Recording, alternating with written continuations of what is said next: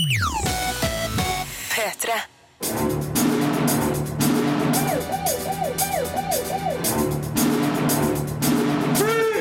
Filmpolitiet! What's your name, dude? Birger Vestmo. What kind of stupid name is that? Regissør Luc Bessot tar et steg tilbake med Lucy, som er i riktig retning. Jakten på Berlusconi gir dårlige odds for latter. Frøken Julie av Liv Ullmann er like nydelig laga som den er opprivende. Og effektene er det eneste som er bra med katastrofefilmen Into the Storm. Det er de fire kinopremierene som skal anmeldes i dag. På spillfronten har Rune testa et av høstens eh, store lanseringer, nemlig Destiny for PlayStation 4.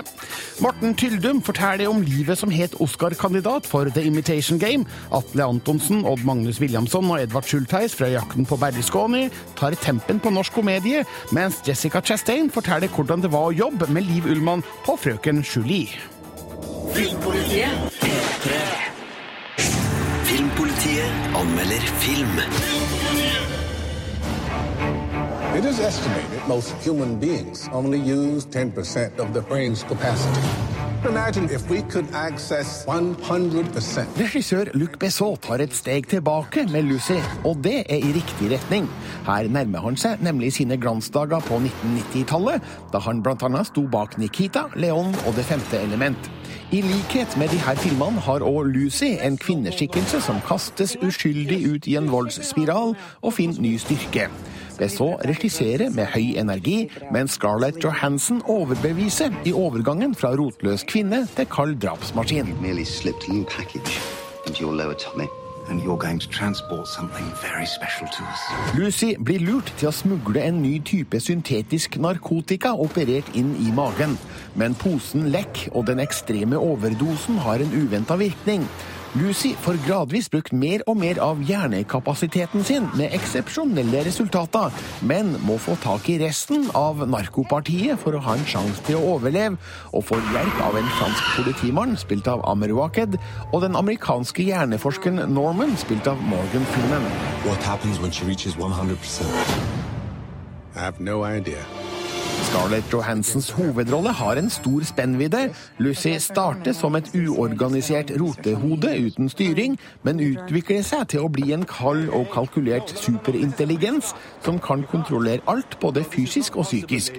Johansen spiller godt og kontrollert, og tilfører filmen det rette alvorspreget, sjøl når historien strengt tatt tipper over i det absurde. I så access to 28% of my cerebral capacity. I can feel every living regisserer sitt eget manus med den samme rå nerven som prega hans tidlige filmer. Begivenhetene skildres med friske filmatiske virkemidler, der Lucys evner gir stadig tøffere utslag. Nå skal det òg sies at jeg liker filmens første del best, der Lucy er mest menneskelig. Mot slutten av filmen ligner hun mest et sci-fi-vesen som det ikke er like enkelt å forholde seg til. Like. Lucy er en god film for gamle Besson-fans. Den er ikke i nærheten av å være så god som før nevnte Nikita Leon eller Det femte element, men inneholder flere av kvalitetene som han var kjent for, som sterke kvinneskikkelser og voldsomme actionsekvenser. Og Scarlett Johansson er ei minst like tøff Besson-dame som Anne Parillot og Mila Jovovich.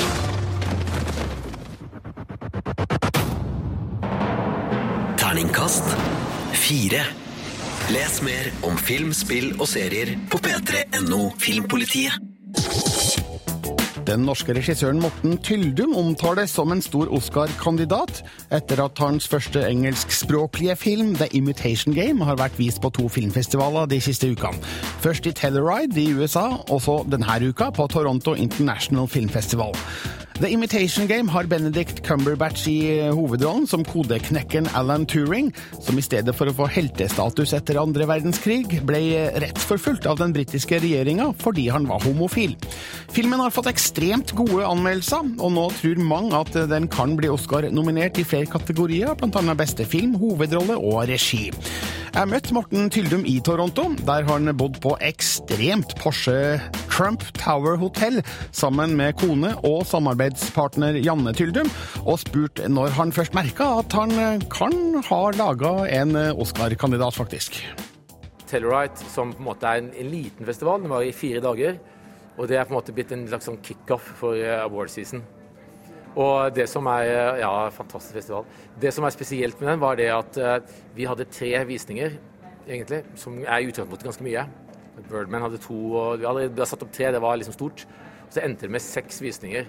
Fordi det var liksom hundrevis av eh, mennesker som måtte, ikke fikk komme inn. Og, og da har vi tenkt at hva i verden er det som skjer her? Da, de, de, også på festivalen de hadde nesten ikke sett noe lignende. Liksom, at det var så trøkk etter å få se filmen, og Word of Mount ble så stort. Så det, da skjønte vi at oi, her skjer det et eller annet.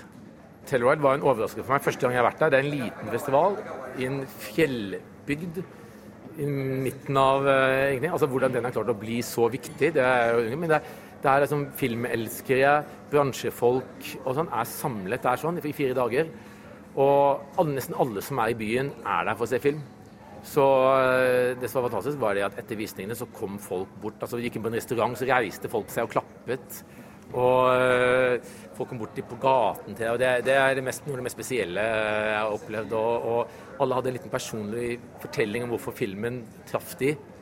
Det var faktisk et veldig stort øyeblikk, og som filmskaper så er vel det kanskje noe av det eh, største jeg har opplevd. egentlig Bare det å ha den nærheten til et publikum som, som du møter dag etter dag og kommer opp til deg og, og ville snakke om filmen din. Det er en enorm buzz rundt uh, filmen her i Toronto. Hvordan opplever du det å plutselig være omtalt som Oscar-kandidat?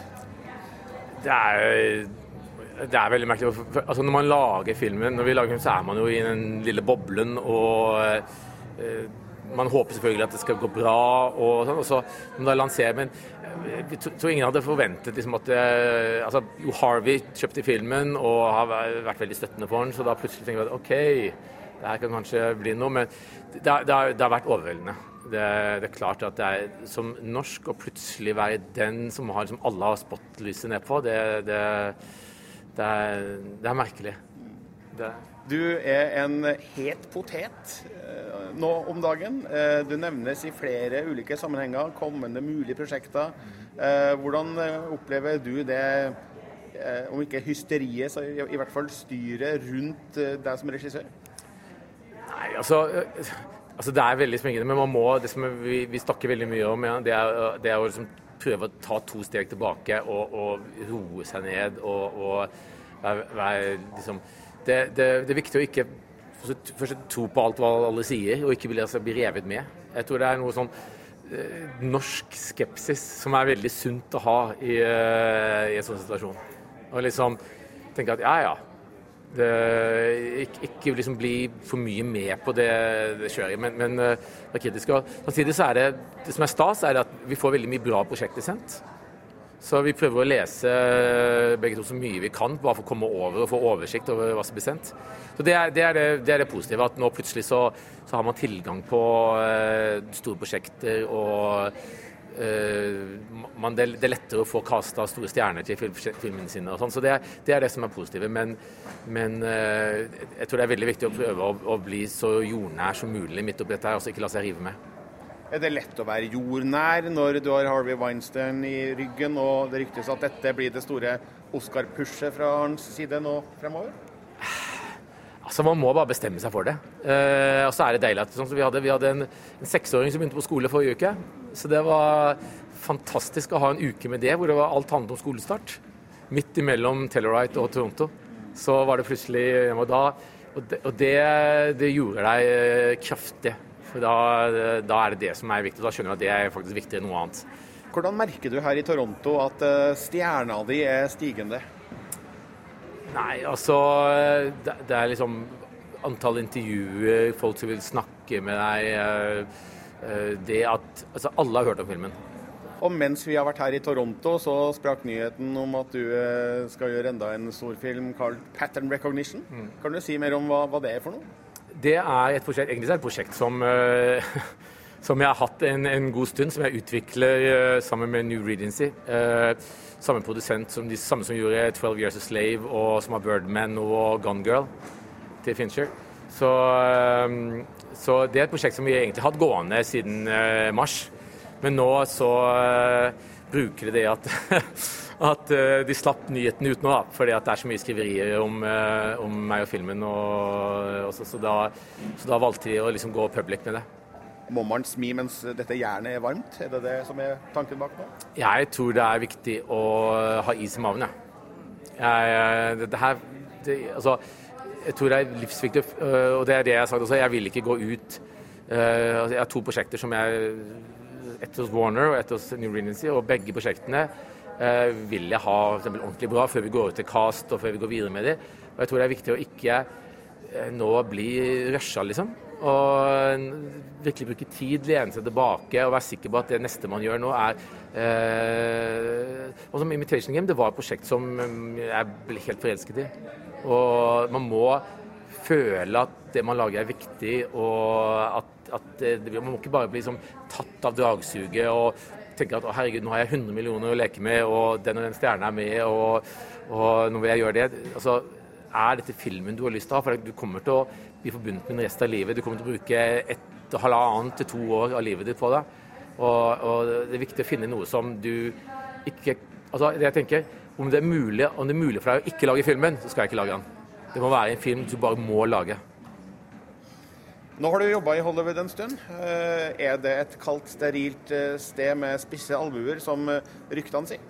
Altså, Hollywood kan være altså er egentlig alt, men det som, det som faktisk overrasker meg, er det at de flinkeste i Hollywood, det er mennesker som elsker film. Som det de vil aller mest, det er å jobbe med film som betyr noe.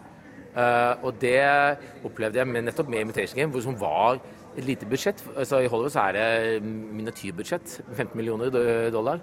Men alle disse som egentlig tar seg så mye betalt, med en gang de føler at dette her altså Deres lidenskap for film og det å være med på en film som betyr noe, satt, altså, blir det viktigste. Og da merker du egentlig hvor hvorfor, eh, altså, hvor vi blir så glad i Hollywood, egentlig, er fordi at de, er, vi, har vi har truffet så mye bra folk som, som eh, er veldig flinke, og som brenner for film, kanskje mer enn noen annen jeg har møtt. Altså, bare han som skulle gjøre etterverk, altså koloristen, han satt midt imellom uh, Star Wars uh, med JJ og uh, Transformer med Michael Bay, som måtte gjøre ferdig. Og så kommer vi da den bitte lille filmen vår, Oscar Grade, og så bare sier han å, jeg elsker den filmen, denne vil jeg gjøre. Steve som er legendarisk color timer. Og bare vil gjøre vår film, liksom. Og setter da Star Wars og Transformer 4 på vent for å gjøre vår film ferdig. Så, og det er sånn da tenker jeg at hva, det er, dette stedet er faktisk fullt med Ja, det finnes mye, mye rart. Det lages mye dårlig og mye Men det fins også alle de som er genuine filmelskere og ikke vil noe annet enn å jobbe på film som de liker. Men Harvey Weinstein da, han er jo kjent for å være en brutal jævel. Harvey er, er så passionate og øh, holder ikke tilbake for noen ting, men han elsker film. Han står for uh, kvalitetsfilm, syns jeg. Og, og vi har vært veldig heldige. Han er 100% bak denne filmen, og, og, vi har ikke hatt noen konflikter eh, med etterarbeid å gjøre filmen ferdig. Og nå har vi hele apparatet her, og det er, det er veldig betryggende for oss å bli tatt så godt vare på som vi blir av Weinstein Company. Husk at de er mer enn Harvey. Harvey er gallionfiguren. Og så er det liksom en hær av uh, andre som jobber under, som er fantastiske. Så, så jeg har bare positivt å si om det. Har vi mista deg som regissør eh, i Norge nå, for norske filmer? Eh, vet du hva, det tror jeg ikke. Eh, vi, vi, tviholder på det å være norsk. Eh, det er viktig for oss. Er, vi har lyst til å Vi, har, vi starter nå et selskap, eh, jeg og Janne sammen, for, som vi kaller for Norse Code, hvor vi prøver å ta materialet hjemme og prøve å få det utviklet eh, der nede. og vi vi har, vi, vi har, lyst til å lage og så holde og det, Vi tviholder på det å være, å, å være skandinavisk og være norske. Eh, akkurat om Jeg tror ikke det blir den neste filmen min, eh, men, men, samme som, som eh, Man ser hadde den meksikanske bølgen for år siden. Altså, hvor viktig det var for de å gå tilbake hele tiden. Og, og jeg tror det er veldig viktig å finne altså, som regissør så er jeg den jeg er, og jeg er den jeg er fordi jeg har en bakgrunn i norsk film. Og det er viktig for meg å tvile på. Jeg, jeg kommer aldri til å bli en amerikansk regissør. Jeg har ikke lyst til å bli en amerikansk regissør. Jeg vil være en norsk regissør som lager film i Hollywood. Men med den posisjonen du er i ferd med å opparbeide deg nå, er det slik at du nå kan velge og vrake? Ja, til en viss grad. Så eh, nå, nå, er, nå er, det mange Nå er, jeg, nå er jeg i en veldig heldig situasjon. Uh, og det er på en måte Altså, som, uh, som management sa, nå må jeg være mye flinkere til å si nei. For det er mye interessante mannere. Vi har en norsk høflighet, at noen er interessert i å lage noe med oss. Så tenker vi ja, ja, men det var hyggelig. Da må vi prøve å være litt positive. Så vi sier liksom ja, kanskje det, og det skal jeg se litt på, og sånne ting. Så nå sier han nei, du har ikke lov å si kanskje. For da, nå tar de det som et tegn på det, og da plutselig så kommer det ut. Nå må du si nei, nei, nei, nei, og så ja til slutt, om du virkelig vil det. Så øh, den liksom norske øh, litt sånn noen liksom det har tøffelhet. Vi setter pris på det at ja, men her, de, de, vil at jeg skal lage film for dem, så da må jeg vise litt interesse tilbake. Den har jeg fått streng beskjed om å slutte med, om ikke jeg virkelig brenner for det. Nå sitter du på fasjonable Trump Tower Hotel i Toronto. Du slår en prat med Channing Tatum i baren før vi satte oss ned her. Hygger du deg nå? Ja, altså Derfor er jeg helt ærlig. Det er det samme som uh, må, Jeg bestemte meg, eller vi snakket jeg og Janne snakket om det, når vi kommer ned, vi skal ikke behandle Hollywood som noe annet enn det det er hjemme. Det er en det er skuespillere, produsenter, regissører. Uh, Bennett og, og Chenem er jo her med Foxcatcher, og vi, vi følger hverandre. Vi, uh, vi var i, i Telluride sammen. vi Channing Tatum sto i kø sammen med andre for å komme seg inn på visning til Imitation Game. Og kom bort etterpå og sa veldig hyggelige ting. De ønsker, og vi ønsker, alle ønsker egentlig bare at man skal behandle hverandre eh, normalt, som man ville gjort vanlige skuespillere. Og, og uh, jeg tror det er veldig viktig der nede, å ikke bli uh, Prøve å late som det er noe annet som det er. Det er rett og slett bare mennesker som jobber med film. Det er et filmmiljø. Og det er skuespillere, regissører, produsenter som om det er alle andre steder i verden. Du hørte Morten Tyldum, som akkurat nå opplever litt av en opptur med sin eh, siste film, The Imitation Game. Den har fått strålende mottakelse på filmfestivalen i Toronto, og får norgespremiere første juledag. Det er bare å begynne å glede seg. Rune Haakonsen anmelder premierefilmen Jakten på Berlusconi. Filmpolitiet anmelder film. I morgen så er det Oslo Grand Prix, og der er det med en såkalt 100 banker. Berlusconi. Han vinner alt om dagen. Norges morsomste skuespillere er samlet på travbanen. Slik lyder filmplakaten til den norske travkomedien 'Jakten på Berlusconi', hvor en savnet hest byr på mange forviklinger. Kusken Bjarte Lem, spilt av en blankøyd Edvard Schultheis, sitter i saksa når to finske torpedoer en dag uventet kjøper gjelda han har opparbeidet seg. For å få nok penger til å betale regninga, hyrer han to småkriminelle karer til å dope favoritthesten til hovedløpet på Bjerke Bjerke travbane utenfor Oslo. Noen velplasserte veddemål skal gi nok gryn i utbytte. Men ting går skeis. Dyret forsvinner, og stadig flere mennesker kaster seg inn i jakten på millionhesten Berlusconi. Hva er det du tykker om meg, Bjarte? Ja, det virker som en fin fyr, du.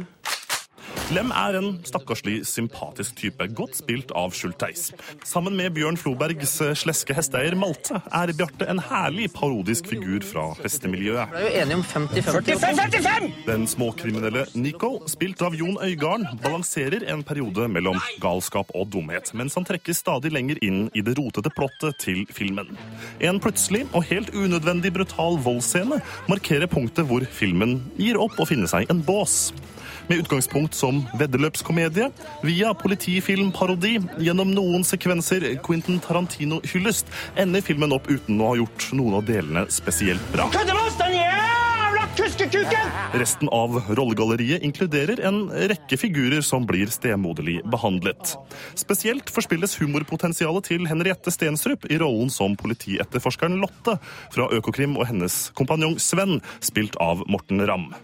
Billige vitser og unødvendige slapstick-scener vies for mye tid. Småkriminelle Nikos forsiktige kamerat Otto, spilt av Arthur Berning, sliter med ereksjonssvikt, mens Bjarte Lems nymfomane kone Lillebird, spilt av Veslemøy Mørkerid, er gal etter sex.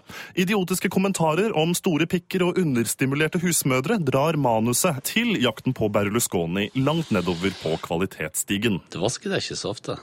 Der nede. Sist, men ikke minst, finner vi Atle Antonsen i en merkelig rolle som spesialetterforskeren Dyret. Malte, eieren av hesten Berlusconi, hyrer inn krigsveteranen med et tvilsomt rulleblad når politiet ikke klarer å finne spor i forsvinningssaken. Antonsens figur er etter alle solemerker ment å være en parodi på Javier Bardems figur fra No Country for Old Men. Men ved å introdusere dyret midt i et stykke tungt arbeid på toalettskåla, faller parodien helt bort og blir erstattet med øredøvende stønnelyder. Bare finn hesten, du. I løpet av filmens 90 minutter er det med andre ord en rekke ulike interessenter som er på jakt etter den forsvunne hesten Berlusconi. Filmen forteller knapt hvem som er filmens eh, hovedperson, og hvem publikum skal heie på mens forviklingene blir stadig mer kompliserte, før det hele avsluttes ved at filmen forlater alle røde tråder uten en nevneverdig avslutning.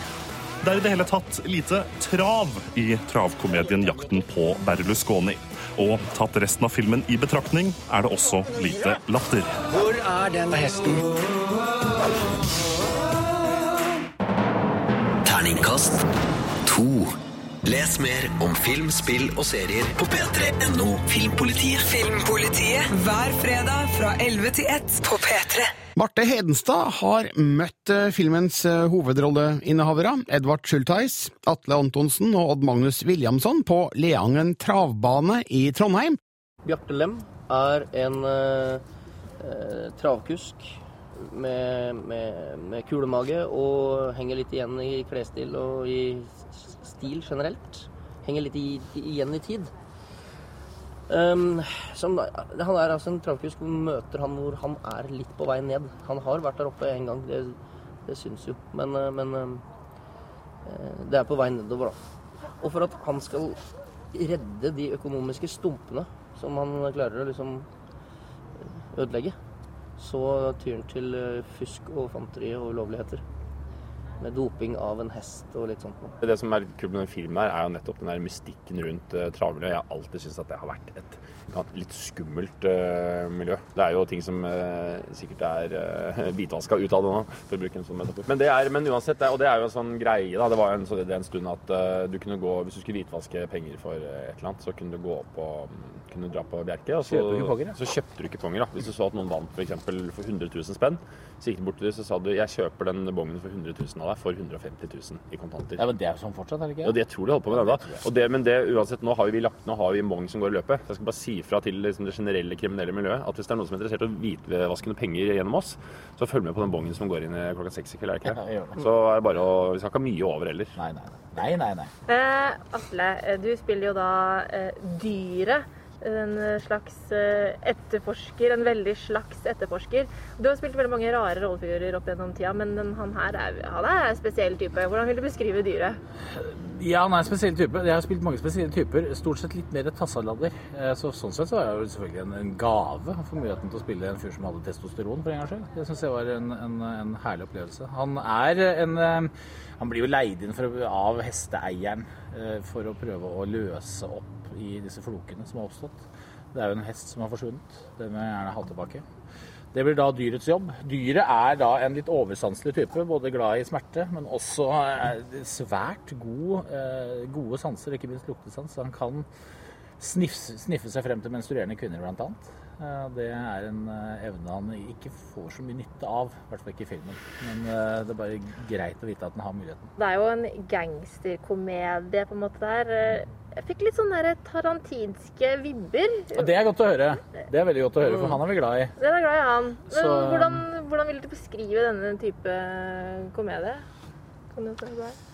Ja, det er jo, det er jo en eh, jeg vil, jeg vil kalle det en gangsterkomedie. Jeg syns det er et fint ord. Jeg.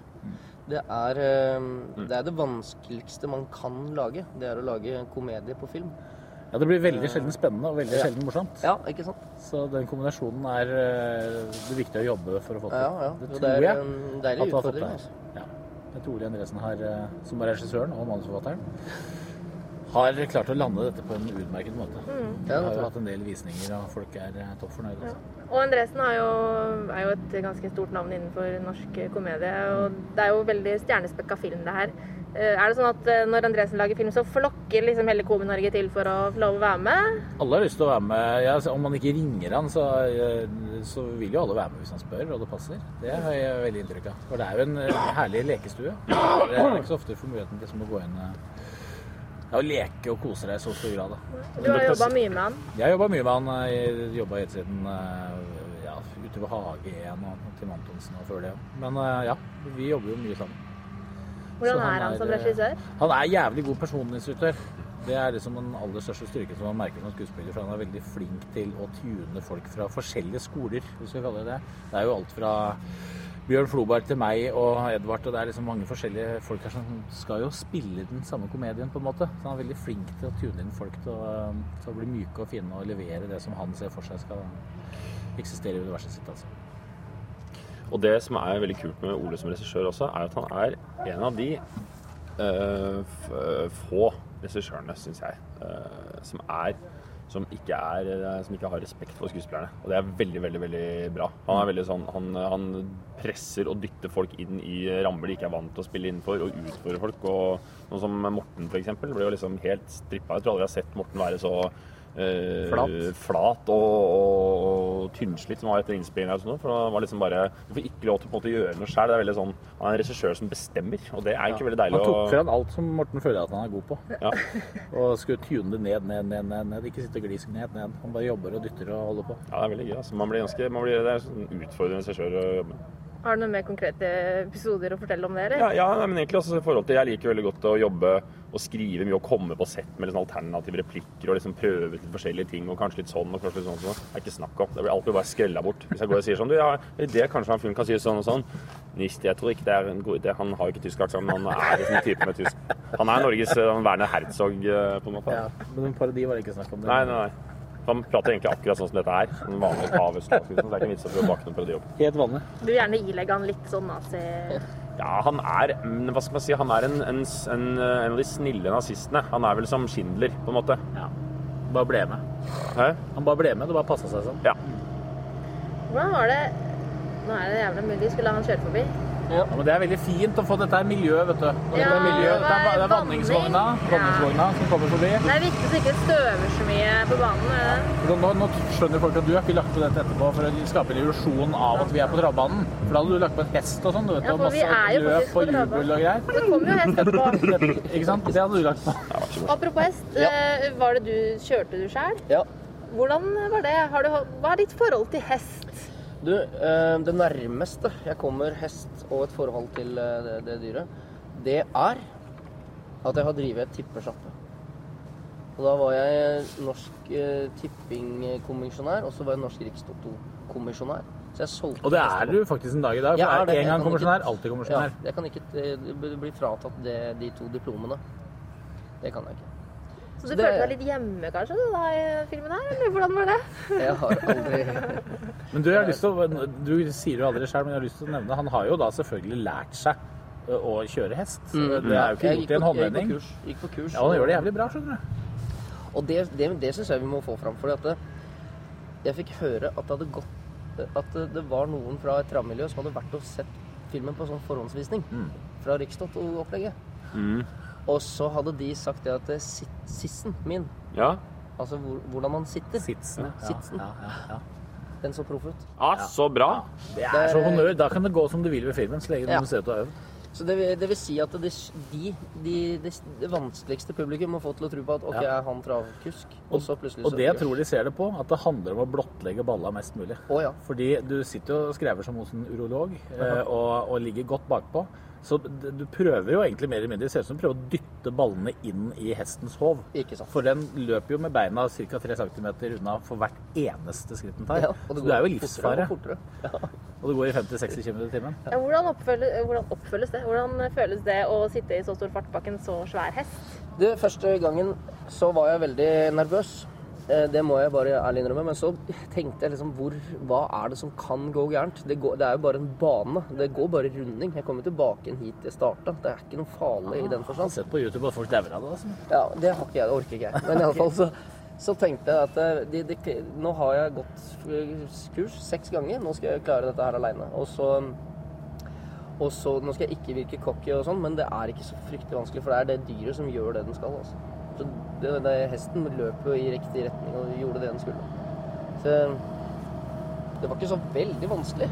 Men det ser bra ut. Selv om det ser jævlig kult ut. Ja, det var gøy, det. altså. Jeg hadde det kjempe... Det, var, det er jævlig fett å kjøre trav på Bjerke. Er Vanningsvogna igjen, da. Miljø, miljø.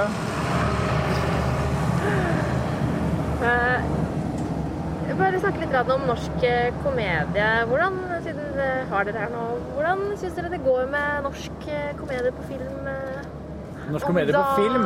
Det er, det er veldig få som driver med norsk komedie på film.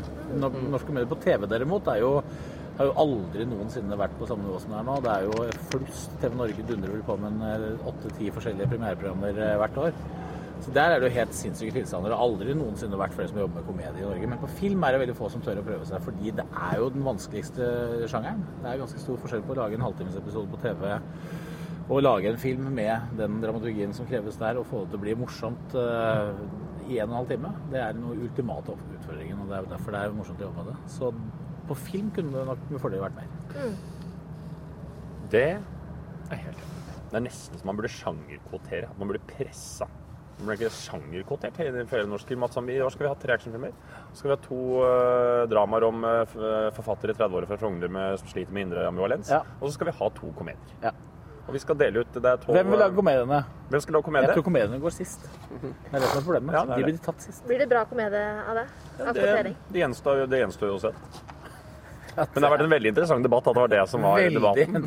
Det blir en bra komedie av. Altså det i seg selv er jo Du har jo en måte metafilm allerede der. Det du skal lage de som skal sitte og kvotere ut god Ja, dette er nye, nybrott. Det, det, er, det er det som er komedien, egentlig. Det er det du sier. Men hva er sånn kjennetegnene i norsk komedie? Sånn, er det en er det en eh, altså sånn som, Vi har jo fått mye oppmerksomhet i utlandet for eh, den der noir, skandinavisk noir-type på serie. Hva er det som kjennetegner norsk komedie? Det syns jeg er litt vanskelig å svare på, altså, i og med at nå eh, de siste åra har det blitt så mangfoldig. Her kom hesten din som du la på etterpå. På bakgrunnslyd for at du skulle få miljø. Her kommer en til. Her kommer en til som du også legger på nå etterpå. Der kommer den. Det er veldig bra. Nei, jeg, tror, jeg, tror, jeg tror nettopp at det er så vanskelig å finne svar på det spørsmålet her, er det som gir svar, og det er en breddevariasjon. og variasjon. Nå er det jo det. fra- Før så var det, jo, det var det jo veldig lite og veldig få som holdt på. Men nå er det jo for nesten alt. Alt fra karakterdrevne ting til eh, situasjonsbetinga humor og ting som er dokumentarisk, og ting som er på ellevilt løspartnivå. løsbart nivå. Så det er jo Nå syns jeg det er ganske eh, stor, stor variasjon, altså. Edvard Schultheis, Atle Antonsen og Odd Magnus Williamson ble intervjua av Marte Hedenstad på en særdeles eh, bråkete Leangen travbane i Trondheim. Og hvis du vil lese mer om hvordan innspillinga av Jakten på Berlusconi var, kan du klikke deg inn på p3.no slash filmpolitiet. Filmpolitiet anmelder film. When I was a little boy, lying there in secret looking at you in the garden and saw you walking among the roses, I saw your slim white ankles well, I tell you now. I had the same nasty thoughts like all young boys. Liv Ullmann tar oss dypt inn i den teatralske tristessen med Frøken Julie. Filmen er dirrende intens, inderlig tragisk og strålende velspilt. Det her er filma teater av beste merke, fantastisk fotografert av Mikael Krikman. Historien er ikke enkel å fordøye, for noen kan den også tippe over i det overteatralske, men den inneholder imponerende sterke prestasjoner av både Jessica Chastain, Colin Farrell og Samantha Morton foran kamera, i sikker regi av Liv Ullmann bak. She's elegant, Miss Julie. Oh, her waist. Her neck. Stop it. Filmen er basert på August Strindbergs teaterstykke fra 1888. Liv Ullmann har valgt å legge handlinga til et irsk gods på midtsommernatta i 1890. Der starter frøken Julie, spilt av Jessica Chastain, et begjærlig maktspill med sin far, baronens tjener, John, spilt av Colin Farrell, mens kokka, spilt av Samantha Morton, er maktesløs bivåner til at følelser eskalerer ut av kontroll. Don't be afraid, Kathleen. I won't run away with your fiance. Frankly speaking, but not wishing to offend, I'm at your service. Det er spennende å se hvordan maktbalansen mellom frøken Julie og John stadig endrer seg, og man kan ikke være sikker på hvem av dem som til enhver tid har overtaket. Det går en sterk nerve gjennom begivenhetene, der figurenes nærmest desperate utspill vitner om hvor mye som står på spill. Dette er nemlig en klassekrig som kan få fatale konsekvenser for dem alle, noe Ullmann makter å formidle ytterst overbevisende gjennom sine dyktige skuespillere. Get me something to drink. Can't do that. And if I order you to do it? You're playing with fire. Now kiss my shoe. Jessica Chastain spiller frøken Julie med dypt alvor og en stor emosjonell spennvidde. Hun kan være sjølsikker og arrogant i det ene øyeblikket, for så å være ekstremt sårbar i det neste. Det kommer ikke som en overraskelse at Chastain spiller strålende, men at hun møtes av Colin Farrell er en åpenbaring. Han viser kvaliteter som skuespiller som han ikke har vist på film tidligere.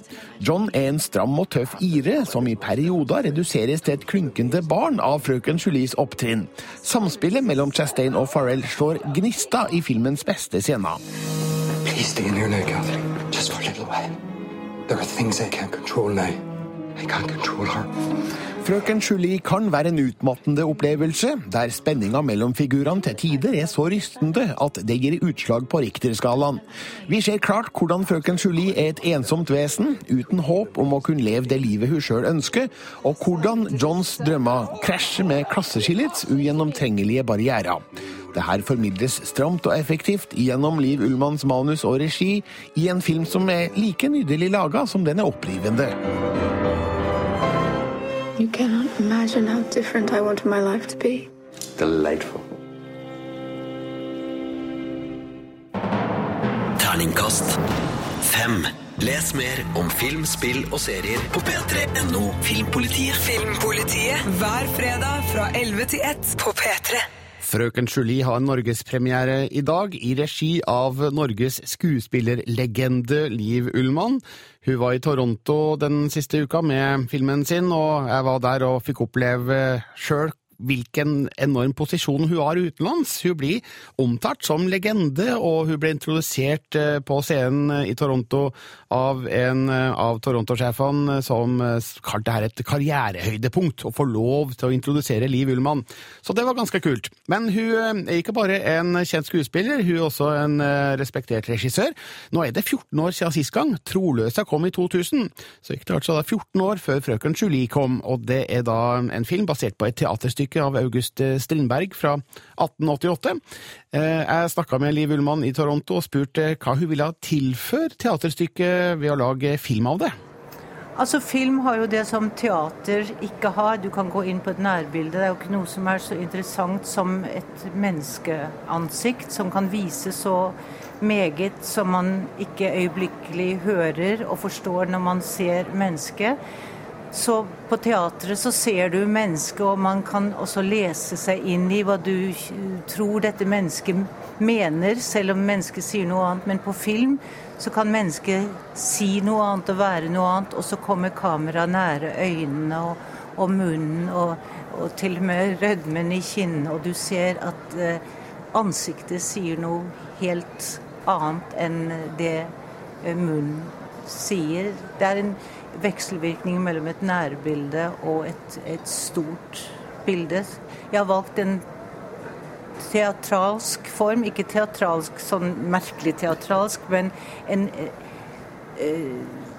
som, eh, nesten som et filmet teater, men hvor du da bruker alt som en film har. Nærbilder hvor du bruker alt en film har.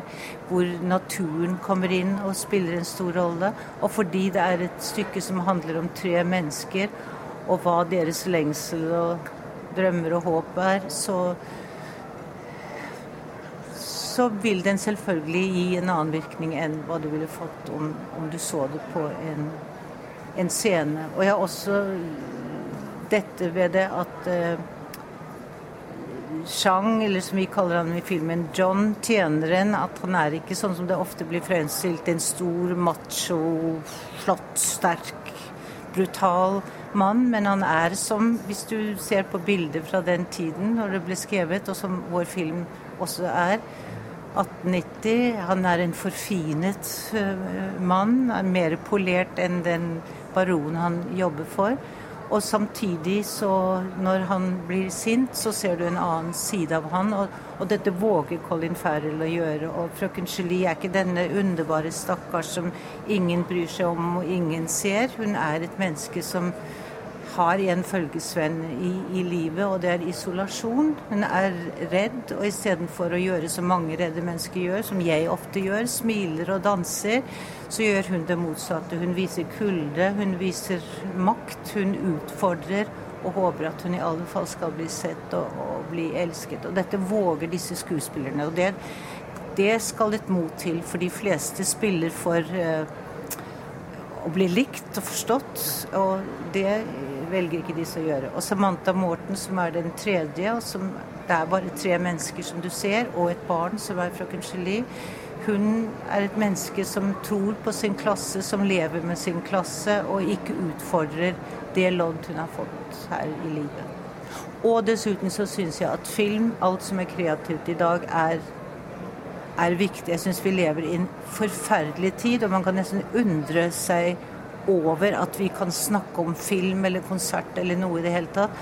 Jeg tror samtidig at det er kanskje viktigere enn noensinne at det som er kreativt, det som kan ha uh, godhet, skjønnhet, forvillelse og sånn i seg, er viktig for oss å identifiere oss med. At det ikke er bare hva vi leser i avisene, uh, grusomheter og, og nummer, men at vi ser mennesker som individuelle mennesker som vi alle er. og at hvis vi blir minnet om det, så tror jeg at det som er kreativt, er, er viktigere i dag enn det, enn det, noensinne har vært. At vi sier alltid at vi vet hvem vi er og hvorfor vi er, og gir ikke plass til det som også er skjønnhet, og det som er valg, og det som er å, å, å connect, connect til mennesker, så er det grusomt. Det er en film om klasse. Det er en film om kjønnskamp. Det er en film om så mye som er kanskje mer aktuelt i dag enn det var når August Strindberg skrev 'Frøken Julie'. Du kunne ha laga en kontemporær versjon av Miss Julie, altså satt i nåtid, men du har valgt å gjøre det til Irland anno 1890. Hvorfor det? Fordi det er ofte, og det skjer med meg også, at jeg ser noe som er så langt tilbake at jeg tror å, det er fint, og nå skal jeg la meg underholde, og det angår vel ikke min tid. Og da er det på en måte lettere å gjenkjenne noe fra sin tid. For du sier ja, men sånn er det jo i vår tid også. Bare på en helt annen måte. I vår tid hvor det ikke er kjønnskamp, og hvor, hvor vi tror at ikke noe av dette skjer, men hvor det er faktisk verre noensinne. Det er ikke klassekamp nå, for vi har jo ikke tjenere og sånn. Klassekamp hvor 90% av verden står helt utenfor. og 10 eh, har en slags makt og privilegium, og 1% har alltid måttet ønske av eh, kapital og sånn. Det er jo verre klassekamp i dag enn det noensinne har vært før, bare at nå har det andre navn. Nå er noen terrorister, og noen er eh, flyktninger, og, og noen er politikere. Så det maktspillet vi ser mellom frøken Julie og, og John det er overførbart til moderne tid, til vår tid? Ja, absolutt. Det er å, å gjenkjenne det. Det som har et annet navn på esken, åpner du esken, så ser du at i den esken eksisterer jeg nå i dag. Og klassekamp. Se på kvinnene i dag. Hva gjør vi ikke for å bli sett og elsket? Eller som Ibsen, Nora som danser omkring og ber om å bli godtatt i dag kvinner som løfter seg og gjør alt for å bli til behag for mannen. Og Nora som danser. Vi har Julie som kanskje ikke danser for å få oppmerksomhet, men som skjuler at hun føler seg helt usett, uelsket ved å ha en kald, kjølig, fryktelig måte å være på. Bestemmende. Eh, ja, løft på lokket, så kjenner du deg igjen. Skuespillerne du bruker i denne filmen, eh, det er veldig interessant, fordi Jessica Chastain vet vi jo er en fabelaktig skuespiller. Det har hun vist før, og det viser hun også her. Men at Colin Farrell har disse kvalitetene inne, som han viser i din film, det tror jeg mange vil bli overraska over. Og hvordan har du jobba med Colin Farrell for å få dette ut av han? Han er kreative. Gode skuespillere er kreative. En betingelse for meg å være regissør, det er at jeg vet jeg har kjempegode skuespillere. Jeg har skrevet et manuskript. Jeg har uh, adoptert Strindberg. Jeg har funnet ut hva jeg vil fortelle. Jeg kan snakke med dem om dette. Vi har ti prøvedager før vi gjør innspillingen.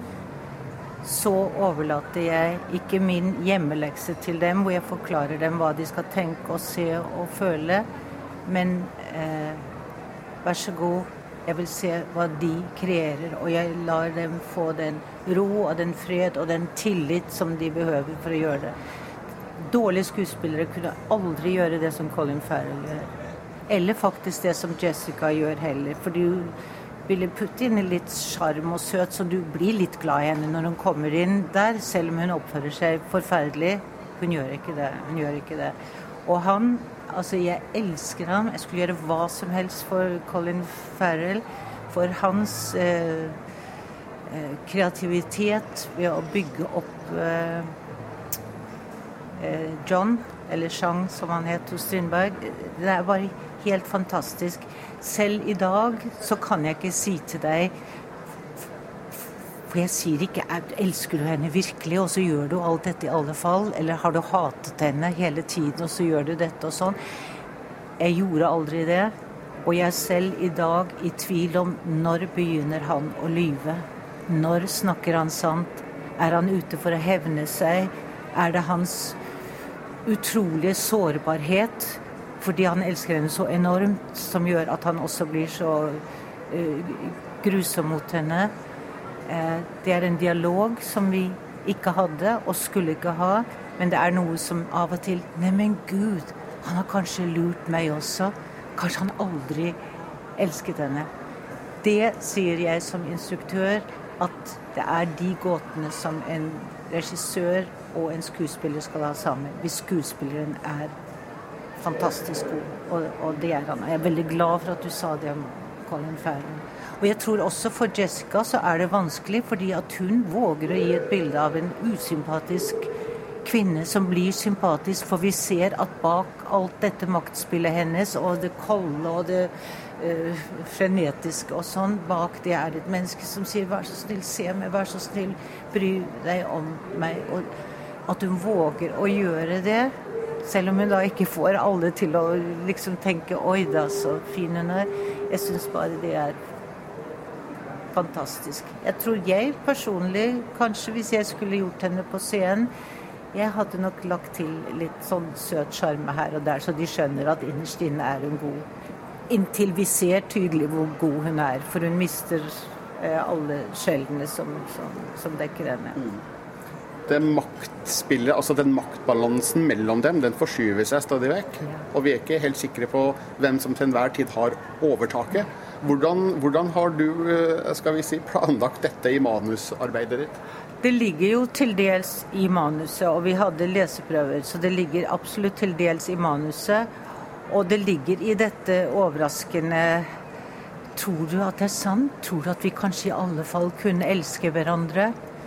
'Jeg hater deg', og 'håper du skal dø en grusom død', er svaret. Og det kommer like overraskende på tilskueren som det kommer på den andre som får høre dette. Det ligger i manuset, men det er måten det gjøres på. Du kan gjøre det fordi du hater, du kan gjøre det fordi du er usikker og vil hevne deg. Du kan gjøre det av så, eh, så mange grunner. Men helt i virkeligheten, og det vet du, og det vet jeg. Vi lever i et forhold med et annet menneske. Og det er så grusomt når du tror akkurat nå har vi det godt, og så ser den andre på deg og sier 'Jeg har tenkt på dette lenge, du. Jeg kommer til å gå fra deg'. Det er en dirrende intensitet mellom alle tre i denne filmen, som da stadig eskalerer oppover mot et uunngåelig klimaks. Altså, for en tilskuer så kan dette se ut som et helvete av en filminnspilling? Altså, hvordan vil du beskrive det? Det var ikke et helvete av en filminnspilling for skuespillerne. Og jeg hadde det bra. Det kunne være det iblant, for vi hadde liten tid. Iblant når man holder på med sånt, så kan det være liten forståelse rundt omkring. Men jeg, jeg, jeg hadde en fantastisk scriptgirl, Madeleine Fant. Scriptgirl som skal passe på at alt ser korrekt ut fra en scene til en annen. Og hun var fantastisk. Det var et utrolig crew fra Irland som jeg er takknemlig for. Vi hadde en skjønn fotograf som var like glad som jeg var at vi fikk gjøre en film. Og det hadde jeg kontrakten min før vi gjorde det, og de gjorde alt de kunne for å si ja, vi gjør ikke film, det blir mye billigere, skjønner du, og mye bedre også med, med digitalt og sånn. Men der ga jeg meg aldri, og det gjorde heller ikke han. Og den støtten jeg hadde der, den, den var fin. Men det var slitsomt. Og mye mer slitsomt kanskje enn det var for meg, var det for skuespillerne. For henne, Jessica Her skal du gråte, her er det så grusomt. Hun gråter ikke. Hun hva heter det på det, sabber hun hulker. Altså, og ikke en sånn hyggelig hulking som du bare vil omfavne. En grusom hulking som du har hørt folk rundt omkring deg, så du ikke har lyst til å hjelpe dem en gang. Den slags hulking Han fortalte meg, Colin, at han våknet en natt, og da hadde han drømt om John. Og John skrev dikt, og så satte han seg ned på natten, og så skrev han et dikt som John hadde på en måte diktert fra han. Nydelig dikt på åtte-ni linjer. Og jeg ba han skrive det ned og gi det til meg, så kanskje jeg får satt det inn i filmen. Og det klarte jeg aldri, for jeg vet ikke hvor jeg skulle sette det inn. Men jeg var veldig fristet. Så vanskelig var det at skuespillerne drømte at de var denne personen, og lot den personen skrive dikt for dem om natten. Så ja, det var det var tøft. Det var, for meg er det den tøffeste innspillingen jeg har vært på noensinne. Eh, men, men, jeg hadde den beste støtten jeg kunne ha med tre utrolige skuespillere. Og den lille piken som kommer inn, og på de to dagene hun spilte eh, Jeg var lykkelig, lykkelig lottet der.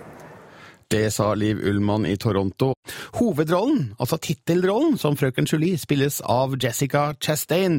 Stor filmstjerne, kjent blant annet fra Tree of Life og Zero Dark Thirty. På filmfestivalen i Toronto var jeg til stede på premierevisninga, som ble etterfulgt av en Q&A, der Jessica Chastain var til stede. Og hun forteller her at eh, det ikke var særlig vanskelig å bestemme seg for å ta hovedrollen i Frøken Julie. It wasn't a difficult decision for me at all. Uh, I went to college studying theater, and so for me, we're constantly recycling or uh, the classics and learning about Strindberg and Ibsen and Chekhov and Shakespeare. And you realize as an actress, when you play a role, you're joining this history and this community of all these other incredible actresses that have also shared the role. And there's something really special about that. There's like this sisterhood. So I like I've seen as many productions of this play as I can see. I'm uh, obsessed with it, and uh, when I was working on it, I found out that Leave had never played the role, which is crazy to me because I think she'd be perfect. she was perfect for it. Uh, but then I, kind, I felt like when we were making it that it was a partnership between the two of us, like it was a combined performance, which I've never done that as an actress before, and it was really special. Any opportunity to work with her was like a live stream. Uh, Miss Chastain, I realize she's standing next to you, but can you honestly describe Liv Ullmann's capabilities as a director? The thing that I love the most about Liv as an actress, as a director, and as a person is that she actually has the greatest sensitivity for, from anyone I've ever met. Like, it's like she has no bones. She's just all like nerves and emotions and.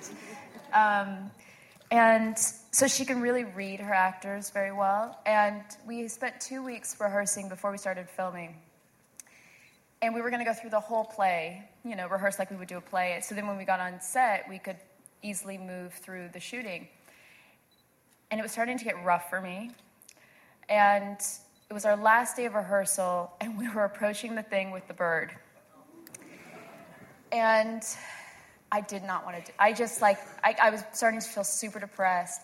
I was, you know, we hadn't even started shooting yet. And I, I didn't ask to not do it, but I just was like really down. And I said that. She asked me if I was okay, and I said, I'm really, I feel really down today. And she goes, You know what? Let's not go further. Um, which is a brave thing for her to do because the, then I, I was, I was very happy that we didn't go further. But then when we started shooting, I heard from like Joan Washington, my amazing accent coach, that Lee was like, "Do you know what Jessica's going to do? Where should we put the cameras?" Um, but and I and we didn't even know what was going to unfold after that moment. And I think it was because I wasn't ready to go there, or maybe if we had opened that box too early, it would have been too difficult to go and start, you know, filming the beginning of the movie. But it was something I couldn't really articulate, and she just felt. Um, and that to me is the greatest gift when working with a director. Ja, det sa Jessica Chastain. Frøken Julie har premiere i dag. Filmpolitiet. Does that sound good to you? På P3. Den berømte Halo-utvikleren Bungie lanserte denne uka storspillet Destiny i Norge og hele verden. Tusenvis av spillere deler på eventyret, som ikke avsluttes når historien er over. Utviklerne sjøl forteller at spillet skal vare i mange år. Vår spillmann Rune Haakonsen møtte David Dog fra Bungie under årets Gamescom-messe. We've always known the darkness would return. Finish what it started. We certainly have a lot of plans for how we want to support uh, the Destiny player experience. And we want it to be a dynamic landscape where there's always new things for players to do. You know, there's always new challenges that they can tackle on a daily or weekly basis. Every time you fire up your box to play, there should be something new for you to enjoy. Uh, beyond that, on a long enough timeline, if players tell us that they feel as if they've done everything there is to do in that world and they want more, they want new spaces to explore, they want new stories to be able to enjoy. They want new rewards that they can use to make their guardians more powerful. We can expand on that experience in every direction. We can release expansion packs, we can release episodic content. Uh, our agenda is to settle down in this world that we've created as the setting for Destiny and tell a lot of stories there. Uh, at the same time, we're very sensitive to the fact that we earn the right to do that by creating a game that blows their mind. We want Destiny to be the best game that we've ever made. It is the biggest and most ambitious project that we've ever tackled, and we hope the payoff is that people fall in love with this world. It's a place where they want to be, it's a place they want to explore, and we can sustain that experience for a good long time to come.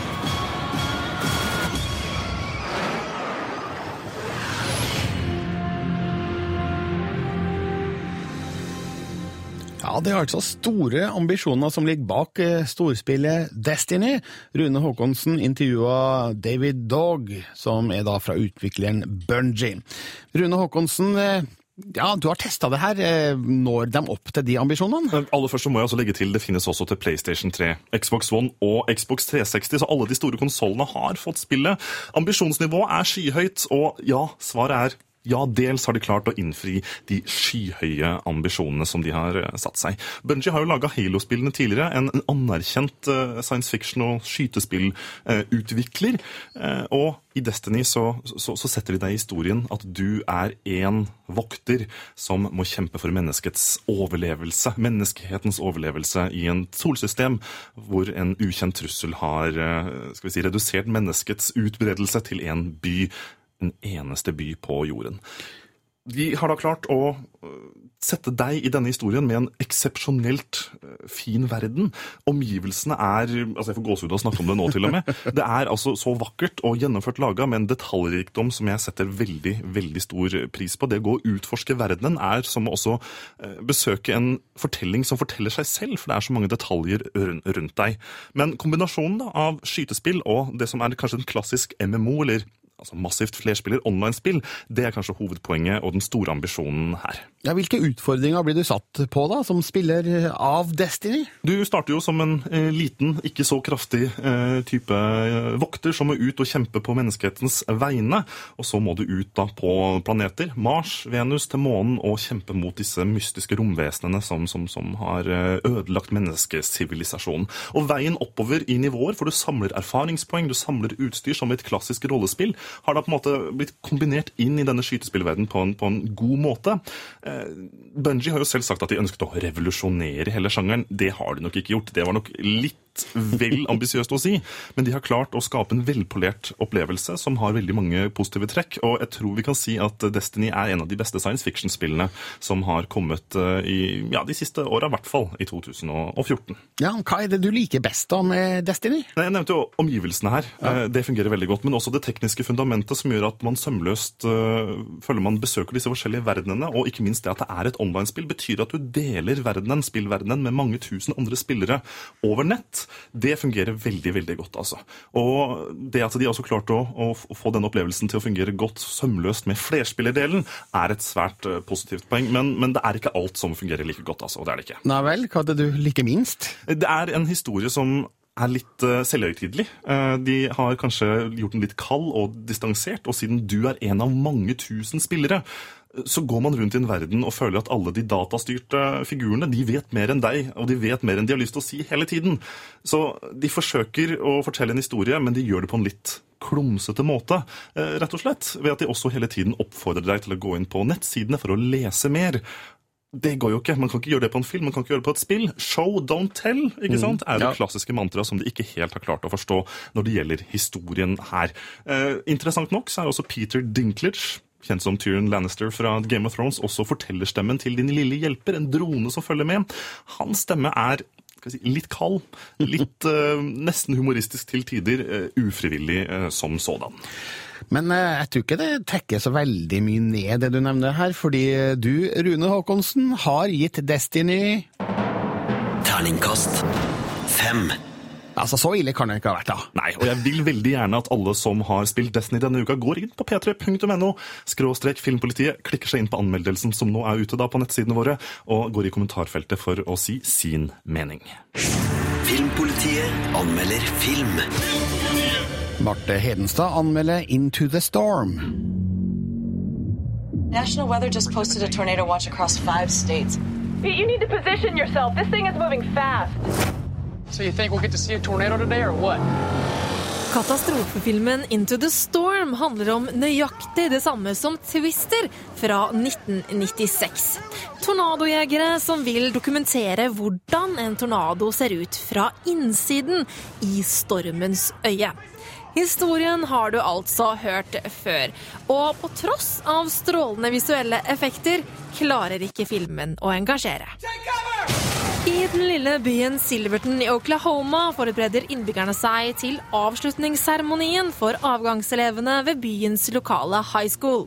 Viserektor Gary Fuller, spilt av Richard Armitage, aka Thorin Oakenshield, har gitt de to sønnene sine Donny, spilt av Max Deacon, og Trey, spilt av Nathan Cruss, i oppgave å filme seremonien, i tillegg til å lage en tidskapsel med intervjuer som skal åpnes om 25 år. I nærheten gjør filmskaperne og tornadojegerne Pete, spilt av Mass Walsh, og Alison, spilt av Sarah Wayne Callis, seg klare for å filme stormen som er i ferd med å bygge seg opp. Med sin supersikre tanks av en bil skal Pete og teamet hans forsøke å filme på innsiden av en tornado.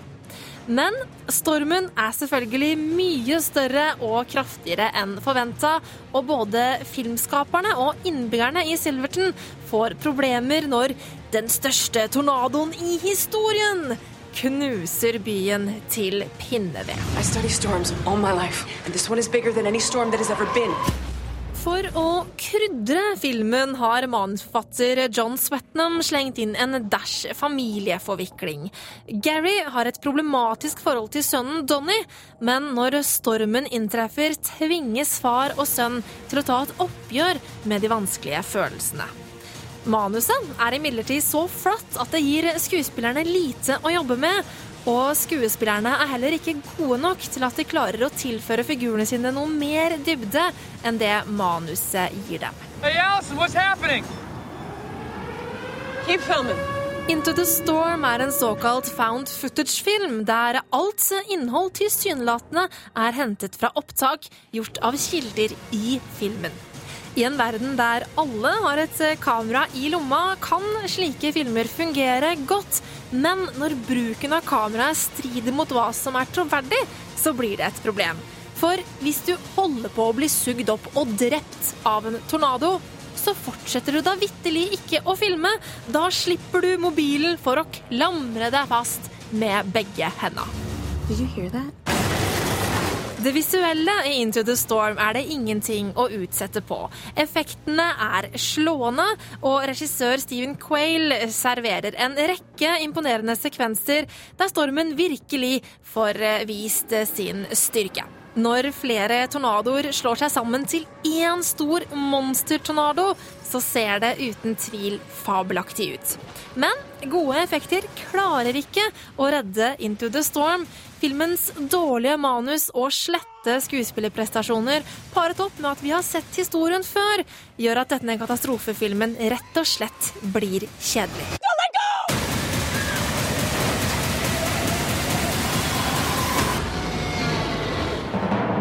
Terningkast to.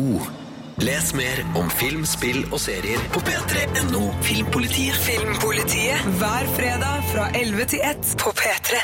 Into the Storm ble anmeldt av Marte Hedenstad. Og da nærmer Filmpolitiet seg slutten. Du lurer kanskje på hvilke filmer som går på kino for tida her og der i Norge som er best?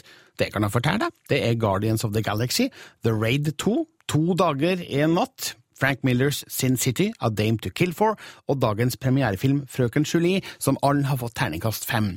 Les anmeldelsene av dem og andre filmer på p3.no slash filmpolitiet, og sjekk ut podkasten som slippes litt senere i dag. Jeg heter Birger Vestmo og sier hei. Hør flere podkaster på nrk.no podkast. P3.